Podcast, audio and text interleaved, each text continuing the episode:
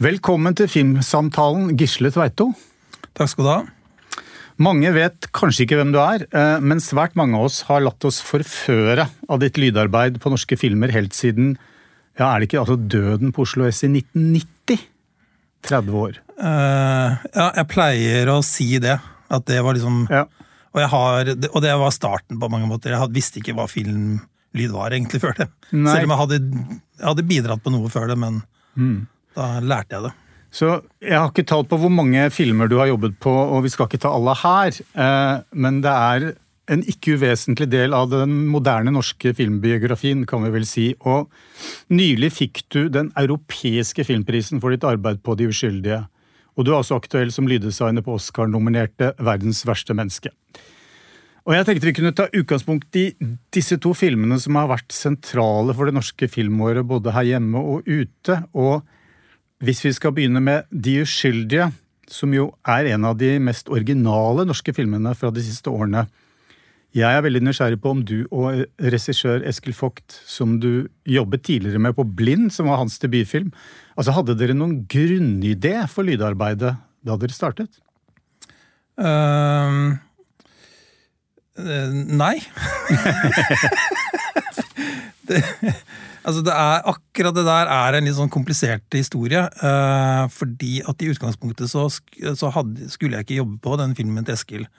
Uh, den ville kollidere med verdens verste menneske, så her måtte vi jo ta et valg. Uh, og, så, og så har det med finansiering å gjøre, det ene med det andre. Men så sakte, men sikkert så, så, faller ting på plass, og så blir det Så flytter man miksen til Norge, og så blir det korona, og så blir ting utsatt, og det ene med det andre. Så, så det gjorde jo at jeg fikk jo muligheten til å, å, bli med på den filmen på en helt annen måte. Men, men jeg kom jo da på også litt liksom seint inn i prosessen. Jeg var på noen visninger mens de klipte. Hadde liksom oversikt over filmen. Men, men, men kom inn egentlig veldig sent. Uh, og da var det gjort et stykke arbeid i Sverige som jeg overtok og jobba videre med. Mm. Uh, Fordi du delte jo prisen med du delte prisen med en svensk uh, lyddesigner også? Ja, ja. Jeg delte prisen med Gustav Berger. Ja, nettopp. Mm. Så Ja, men, men, det, ble en, det ble en slags liksom ja, videreføring, eller en Og, og det, ganske, det, var ganske mye som som i, i, mine ører, da, eller mitt hode, ikke var løst uh, med den filmen. Uh, eller ikke liksom hadde fått sitt fulle potensial, og noen veldig sånn konkrete, kompliserte koblinger der som jeg, som jeg tenkte måtte fikses. Så, så, Og samtidig hadde jeg også en sånn følelse av at vi hadde litt dårlig tid. Uh, så det, vi, nei, det var ikke, vi hadde ikke noe sånn Vi hadde så, ikke noe dybdeanalyse, gjennomgang, Eskil og jeg. Det var mer sånn Ok, uh, gi meg tre uker, så skal jeg komme med et bud. Uh, komme sent inn i prosessen, ha dårlig tid, og du vinner den europeiske filmprisen. ja, det er som Alle sier at det er smart å være med tidlig, ja. uh, og jeg har jo selv sagt at det beste er å jobbe liksom parallelt. Mm. men når det er sagt, da, og det mener jeg fremdeles er det beste og, og jeg, som sagt, jeg var jo med på de visningene og var jo med i de liksom, debattene og diskuterte litt underveis. Men, men det er også en, en, annen forutsetning for å lage noe bra, er jo at man har tillit. Og at man jobber sammen med noen som er interessert i lyd, er interessert i å utforske hva kan den lyden hjelpe til i fortellingen. Uh, både at regissøren er, men ikke minst produsenten. Også. at alle liksom, har lyst til det. Det er også eh, noe som er viktig, og det følte jeg jo det følte jeg virkelig at jeg hadde. Altså, jeg hadde full backing. Uh, og, og, jeg tror det var bare noen få ganger at, uh, at vi diskuterte liksom, er dette bra nok, eller skulle det vært annerledes. Sånn, altså Det var veldig lite ikke, jeg skal ikke si det var lite motstand, men det, var, det, var veldig, sånn, det ble en veldig veldig fin prosess, selv om den, den hadde liksom til å begynne med så hadde jeg en sånn følelse av at jeg måtte forte meg. Mm. Men hvis vi skal være litt mer konkrete, så altså, dette er jo et altså, Det er en sjangerfilm, mm. men samtidig er det ikke en sjangerfilm. Altså, det, er en, det, er en, film som leker med sin sjanger, kan du si. Altså, et horrorunivers. Mm. Eh, og da forventer man gjerne, når det er horrorfilm, at man skal bli slått i hodet med et ganske heftig lydbilde. eh, som er ute etter å skremme. Eh, Kan du si litt om det? Fordi det er jo ikke det lydbildet man nødvendigvis får her. Nei, nei øh, altså den der typiske jump scare øh, liksom, Det er det jo ikke i det hele tatt. Det er jo ett sted hvor det er en sånn lydeffekt som er høy, eh, som prøver på akkurat det å liksom skremme deg sånn umotivert, kanskje. Men, men det er jo en annen ting som er fascinerende med en sånn type film, er jo det derre det, det ekle, og kanskje her altså det ekle u, u, ja, sånn i det, i det vanlige, da, ikke sant? Altså, det er jo veldig lite i dette universet som sier, i filmens univers som sier at uh, dette skal bli det det blir. Det er jo en, en historie Du kan like gjerne pitche en historie med en familie på fire med et barn med spesielle behov som flytter til en drabantby og skal liksom begynne der. Altså, sånn, så det er jo sosialrealisme, da. Ehm, så, så, så det tenker jeg er jo, er jo ekstremt fascinerende å ta tak i liksom normalitet. Horroren i hverdagen, eller Ja, ja, altså, det normale. Og så bruker, du, så bruker du de elementene, og så, og så prøve å skru det til på en sånn måte at du aner at dette kommer jo ikke til å Dette kan jo ikke bli bra, og så blir det ekkelt på en, liksom, en sånn, mer sånn nærværende måte.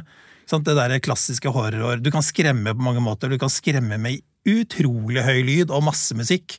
Men jeg har tenkt det noen ganger når jeg ser sånn film, og kanskje også jobba på noe av det. Jeg tenkte at det er noen som løper rundt i gangen og er i ferd med å skal bli drept, så tenker jeg at ja, ikke, du trenger ikke være stille, for her er det så høy musikk så ingen hører hva altså, Skjønner du? det derre At du kan liksom, virkemidlene kan komme litt i veien for eller en, gi deg en annen opplevelse. Så, så det jeg var på jakt etter her, var jo å gi en sånn opplevelse av å være sammen med de barna. Eh, Være tett på, eh, og ikke liksom ha så mye filter imellom som musikk gjerne blir, da. Som gir en slags sånn, sånn trekke for en slags gardin, så du trenger ikke ta så stilling til det. Men, men å høre at de puster, og at de er liksom i det, uh, syns jeg er mer uh, spennende.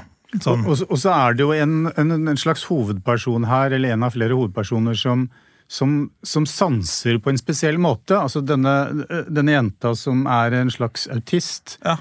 Mm. Og som gradvis eh, på en måte Som kommuniserer på et plan foreldrene ikke forstår. Eh, altså eh, Mm. Ja, ja, ja. Kjempeutfordring lydmessig, skulle jeg Hadde jeg, hatt, eh, hadde jeg vært mer eh, involvert mens de klipte, så kunne jeg sikkert ønska meg at noen av de scenene som gir en mulig eksposisjon av hvordan hun fungerer, skulle jeg ønske at de var litt lenger.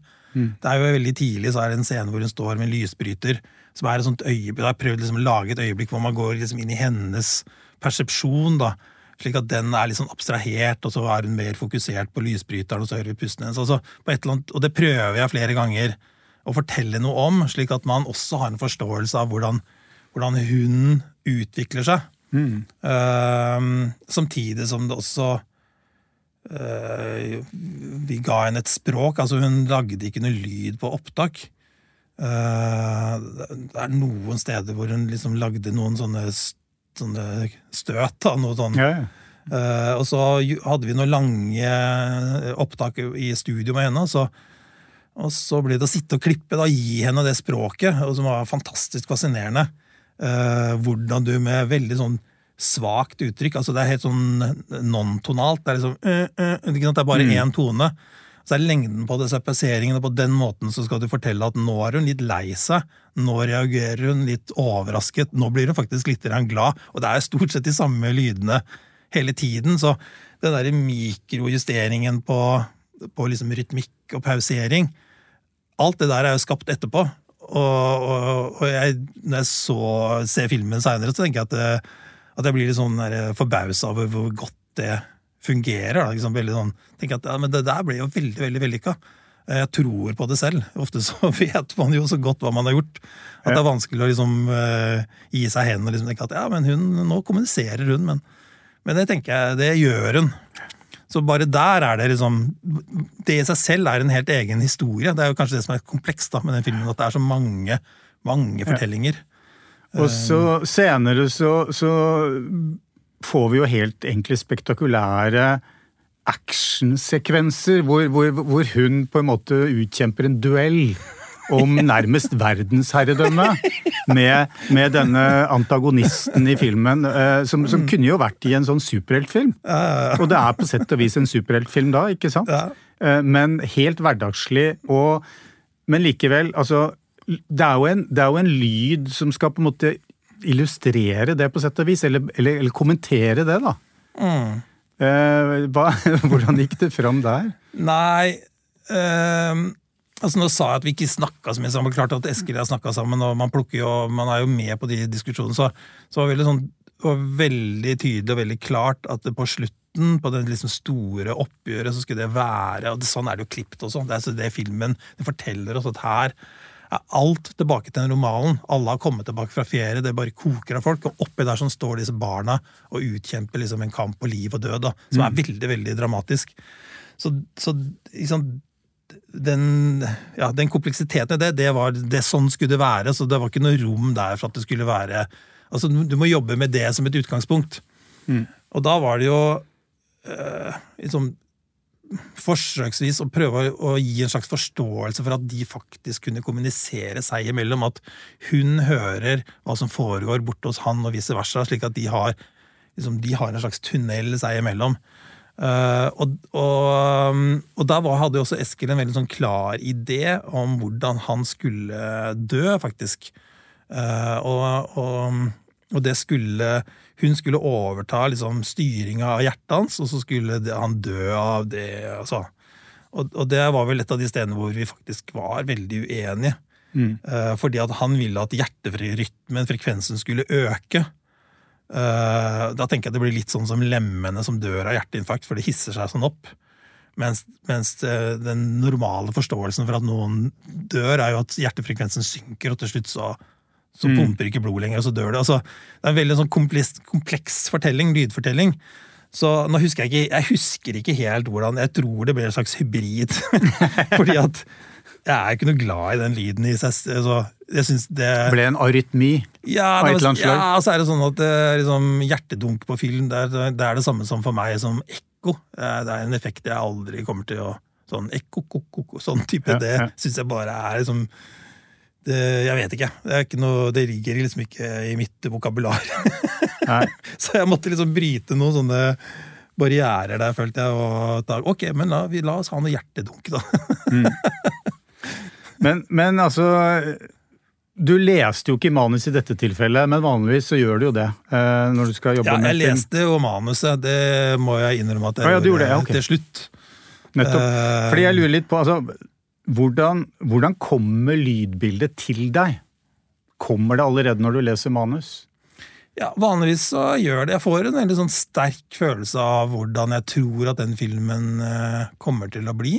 Mm. Um, og det tror jeg nok er en kombinasjon av at man har lest mye manus, sett mye film. Og så jobber jeg jo Jeg er jo så heldig at jeg jobber jo stort sett med noen jeg har jobba med før.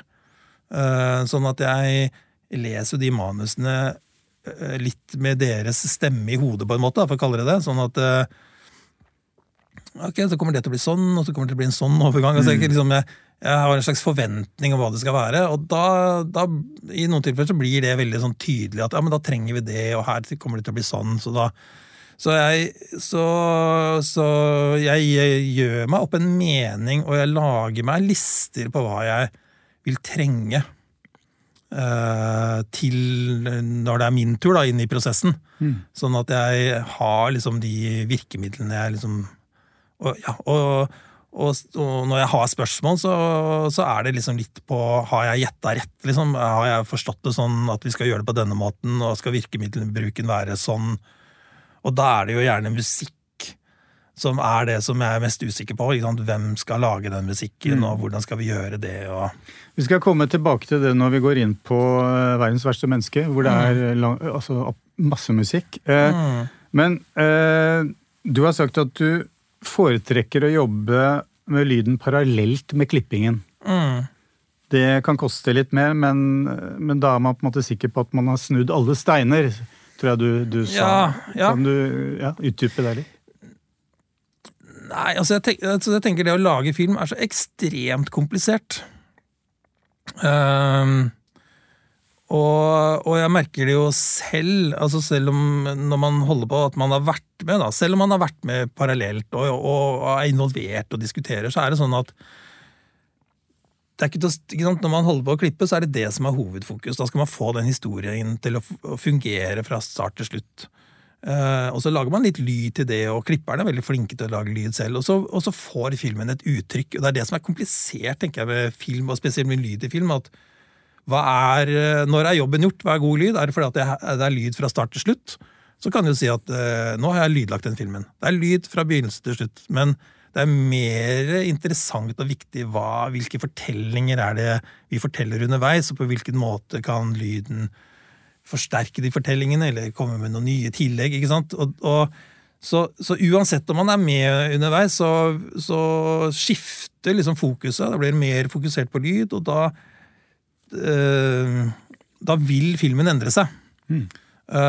Og det er jo og for å sikre at man ikke endrer filmen for mye, eller altså skjønner du, sånn at man, at man kan liksom jobbe litt med det underveis, slik at man er enda tryggere på at man lager den filmen regissøren vil lage.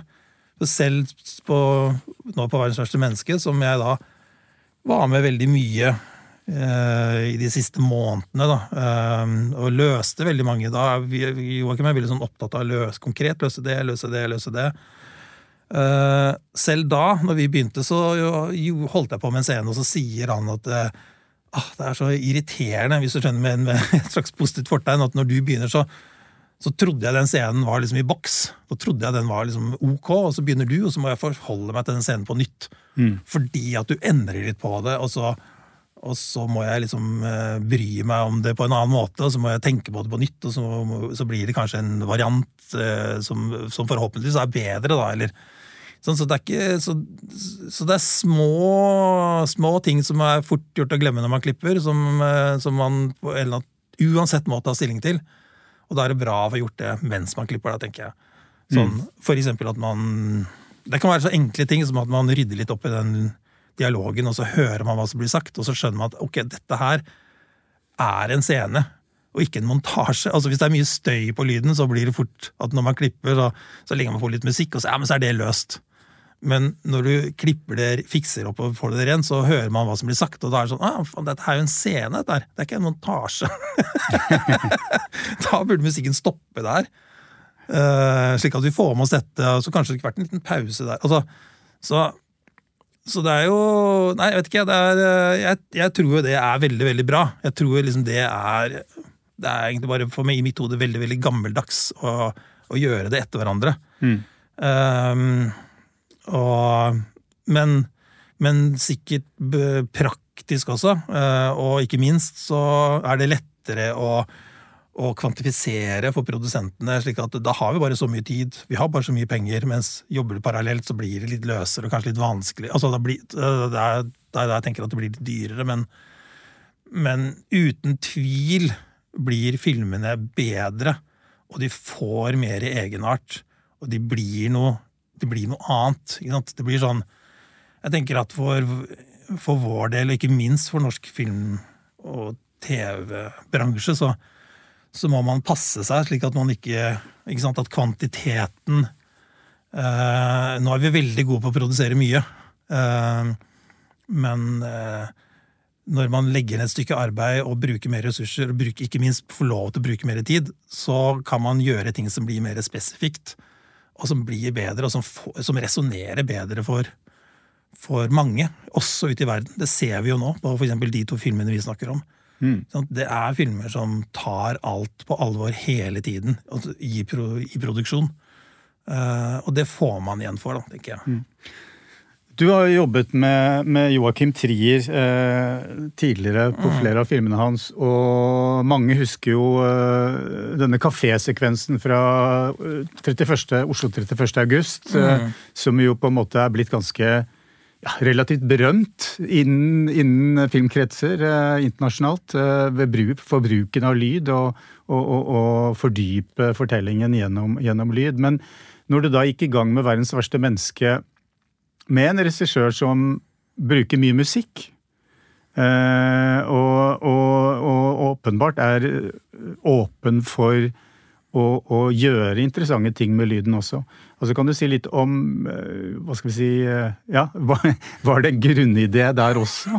Altså det, det, det, som kjennetegner eh, verdens verste menneske, er jo altså kontrastene er så store. Overgangene så mange. Altså mm. Mellom drøm og virkelighet, natt og dag. Altså og, og, på en måte den balanserer mellom forskjellige sjangere også. Mm. Ja, altså der den filmen, og tror jeg liksom uh, Altså gjennomføring altså hvis du, Jeg tenker det manuset i seg selv er jo helt uh, fantastisk bra. Uh, sånn Det er jo nominert til en Oscar, ja, ikke tilfeldig. Ja, ja. Da jeg satt og leste gjennom lista nå på på, på, de som er liksom nominert for, for beste manus, så tenkte jeg at det er kanskje sjansen er størst på på beste manus, for at de andre filmene, sånn som eh, Licorice Pizza og Belfast, og sånn, det er bra cast. liksom. Det er det som gjør det i de filmene. Jeg er helt, jeg er helt enig. Den, manus er liksom sånn ok, ikke sant? Mm. Det er viktige og fine ting. Og, altså, men, mens det manuset her er liksom det er, eh, det, er, det er, eksplosivt, det skjer masse, det er, det er gøy liksom, i manusform. Eh, så skal det jo da gjennomføres, og liksom, man skal få det til. Og der tror jeg nok at Joakim har enormt liksom, eh, glede av at han har et veldig sånn trygt produksjonsmiljø. Altså, han har jo personer rundt seg som han, som han har jobba med lenge. Mm. Uh, og, og, og, det gjør deg modigere. Det gjør deg tryggere, det gjør deg modigere.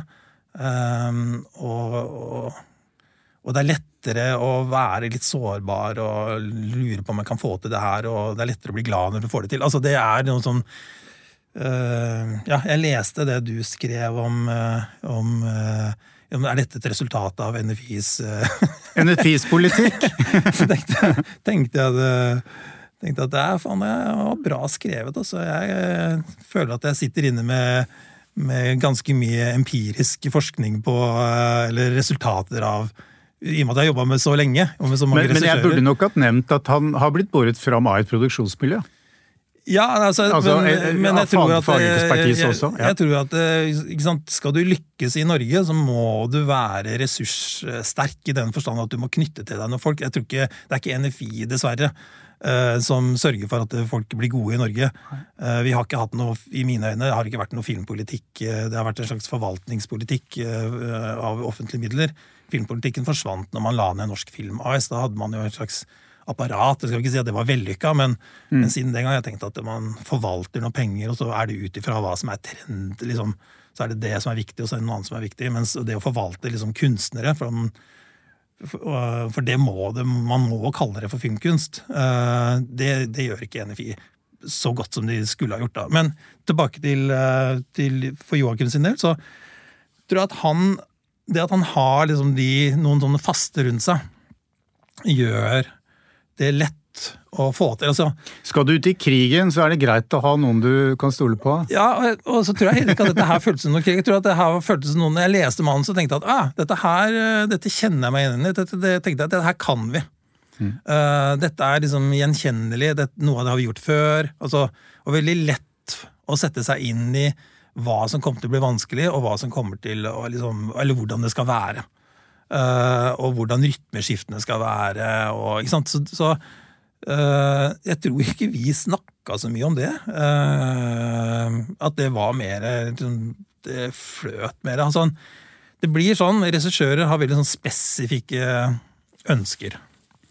Uh, og, og, vi, uh, og sånn har det vært på alle hans filmer, at det, klippes, så skal vi veldig fort lage en versjon som vi skal søke på en festival, og det er jo Cannes som er liksom festivalen vi søker, så da må vi komme opp en versjon av filmen. Så da var det viktig å få løst helt sånn konkret. Vi må løse den scenen, og så må vi finne ut hvordan vi gjør det her, og så må vi ha noe musikk der. Og veldig mye av det arbeidet foregår da sammen med Olivier. Uh, og Joakim løser det først, liksom det grøvste, og så kommer jeg inn. Altså klipp Rapperen Olivier ja. Coutu? Bygge Couté, ja. Bygge Couté, ja. Og så kommer jeg inn, og da var det sånn på det her, sånn, så hadde vi to store uløste scener. Uh, som var da denne Frozen-scenen, hvor vi hadde noe bossa nova-musikk. Der hvor alle, Og alle, alle liksom stopper opp. ja, Hele bybildet, og Ja. bare hun beveger seg. Nettopp. Og så hadde vi det som kommer rett etterpå, som er denne breakup-scenen. Så hadde vi noe musikk som vi også visste vi ikke kom, kunne bruke. Det var flere musikkstykker som vi visste vi måtte bytte ut, men som vi var ganske trygge på at vi ville greie å finne noe. Men der visste, der visste vi at der, det her vi hadde i klippen, det kan vi ikke bruke. Eh, Så det må løses. Og da Det var det første jeg begynte med. Og da øh, Og begge de to stedene blir løst med musikk fra Ola, som da han, Ola Fløttum. ja, som han eh, skrev, og så sendte han det til meg. Og det som er i den Frozen-sekvensen, det er hans musikk. Mens hvor jeg Min jobb blir da på en måte omarrangere det slik at det passer til scenen. Så den musikken har et slags A-B-tema, men i filmen så er det B-A. Jeg har snudd helt rundt på det Ok. for å få det uttrykksmessig til å liksom passe. Og så også den der breakup-scenen er det veldig sånn nøye frasering. Det er veldig sånn oppstykka, eller hva man skal kalle det. ikke sant? Det, er, det skal være liksom Jeg tenker det fine med filmene til Joakim, det er jo hvor Jeg tenker på alt dette er som musikk.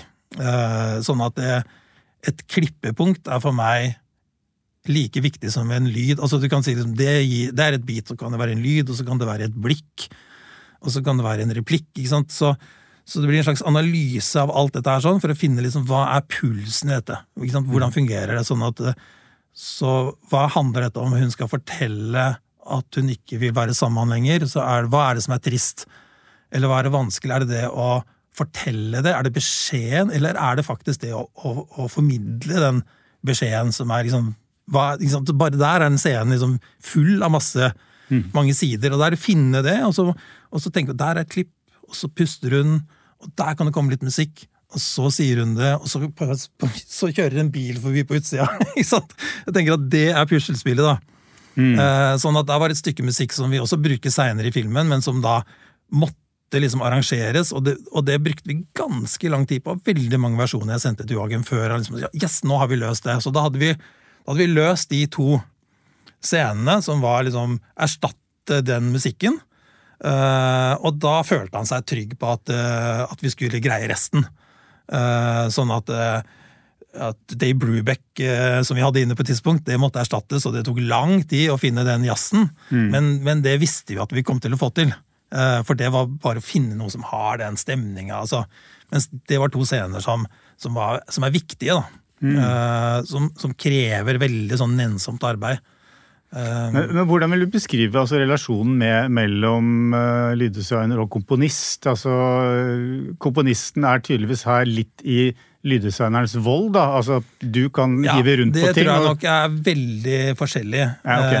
Og, og, og mm, for min egen del så og jeg er sikkert, er sikkert veldig upopulært for en del komponister. For at jeg, i, mitt hode så tenker jeg at hvis det skal være eh, Det som er bra for filmen, er at alt spiller sammen. Mm. Alt skal liksom fungere sammen. Så jeg tar meg jo til tider ekstremt store friheter i, inn i liksom det musikalske for å få det dit jeg syns det skal, da. Ehm, og, og klipper og heier, og de stedene hvor det ikke funker, så, så hender det at jeg bare lager noe selv for å lime det sammen. Altså, sånn eh, Jeg har en sånn oversikt over Thelma, musikken på Thelma. Eh, og, og det er jo Ola som har lagd mesteparten, men så har Torgny Andam lagd noe, og Johannes Ringen lagde noe, og jeg lagde ganske mye. Sånn at Jeg har lagd en sånn tidslinje som viser hvor de overgangene er, og det høres jo noen ganger ut som ett stykke musikk, men som er kanskje biter av fire forskjellige komponister limt sammen. da. Bare for at jeg er liksom veldig på jakt etter noe sånn helt spesifikt i det uttrykket.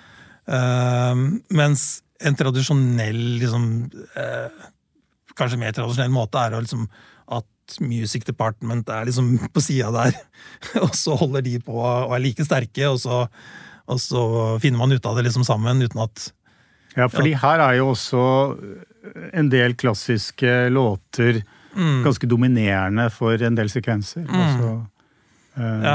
Så, og, og det der å liksom Det tenker jeg å innordne og sørge for at man liksom spiller opp til at nå skal den musikken få lov til å komme, og sørge for å liksom lage et rom for at nå, nå lever den låta. Altså, Ja, det er ikke, Jeg greier ikke se et sånt skille mellom de, og jeg ser på min oppgave som uh, lydsjef eller lyddesigner, hva hvilket ord man bruker, som den som skal sørge for at alt dette spiller sammen.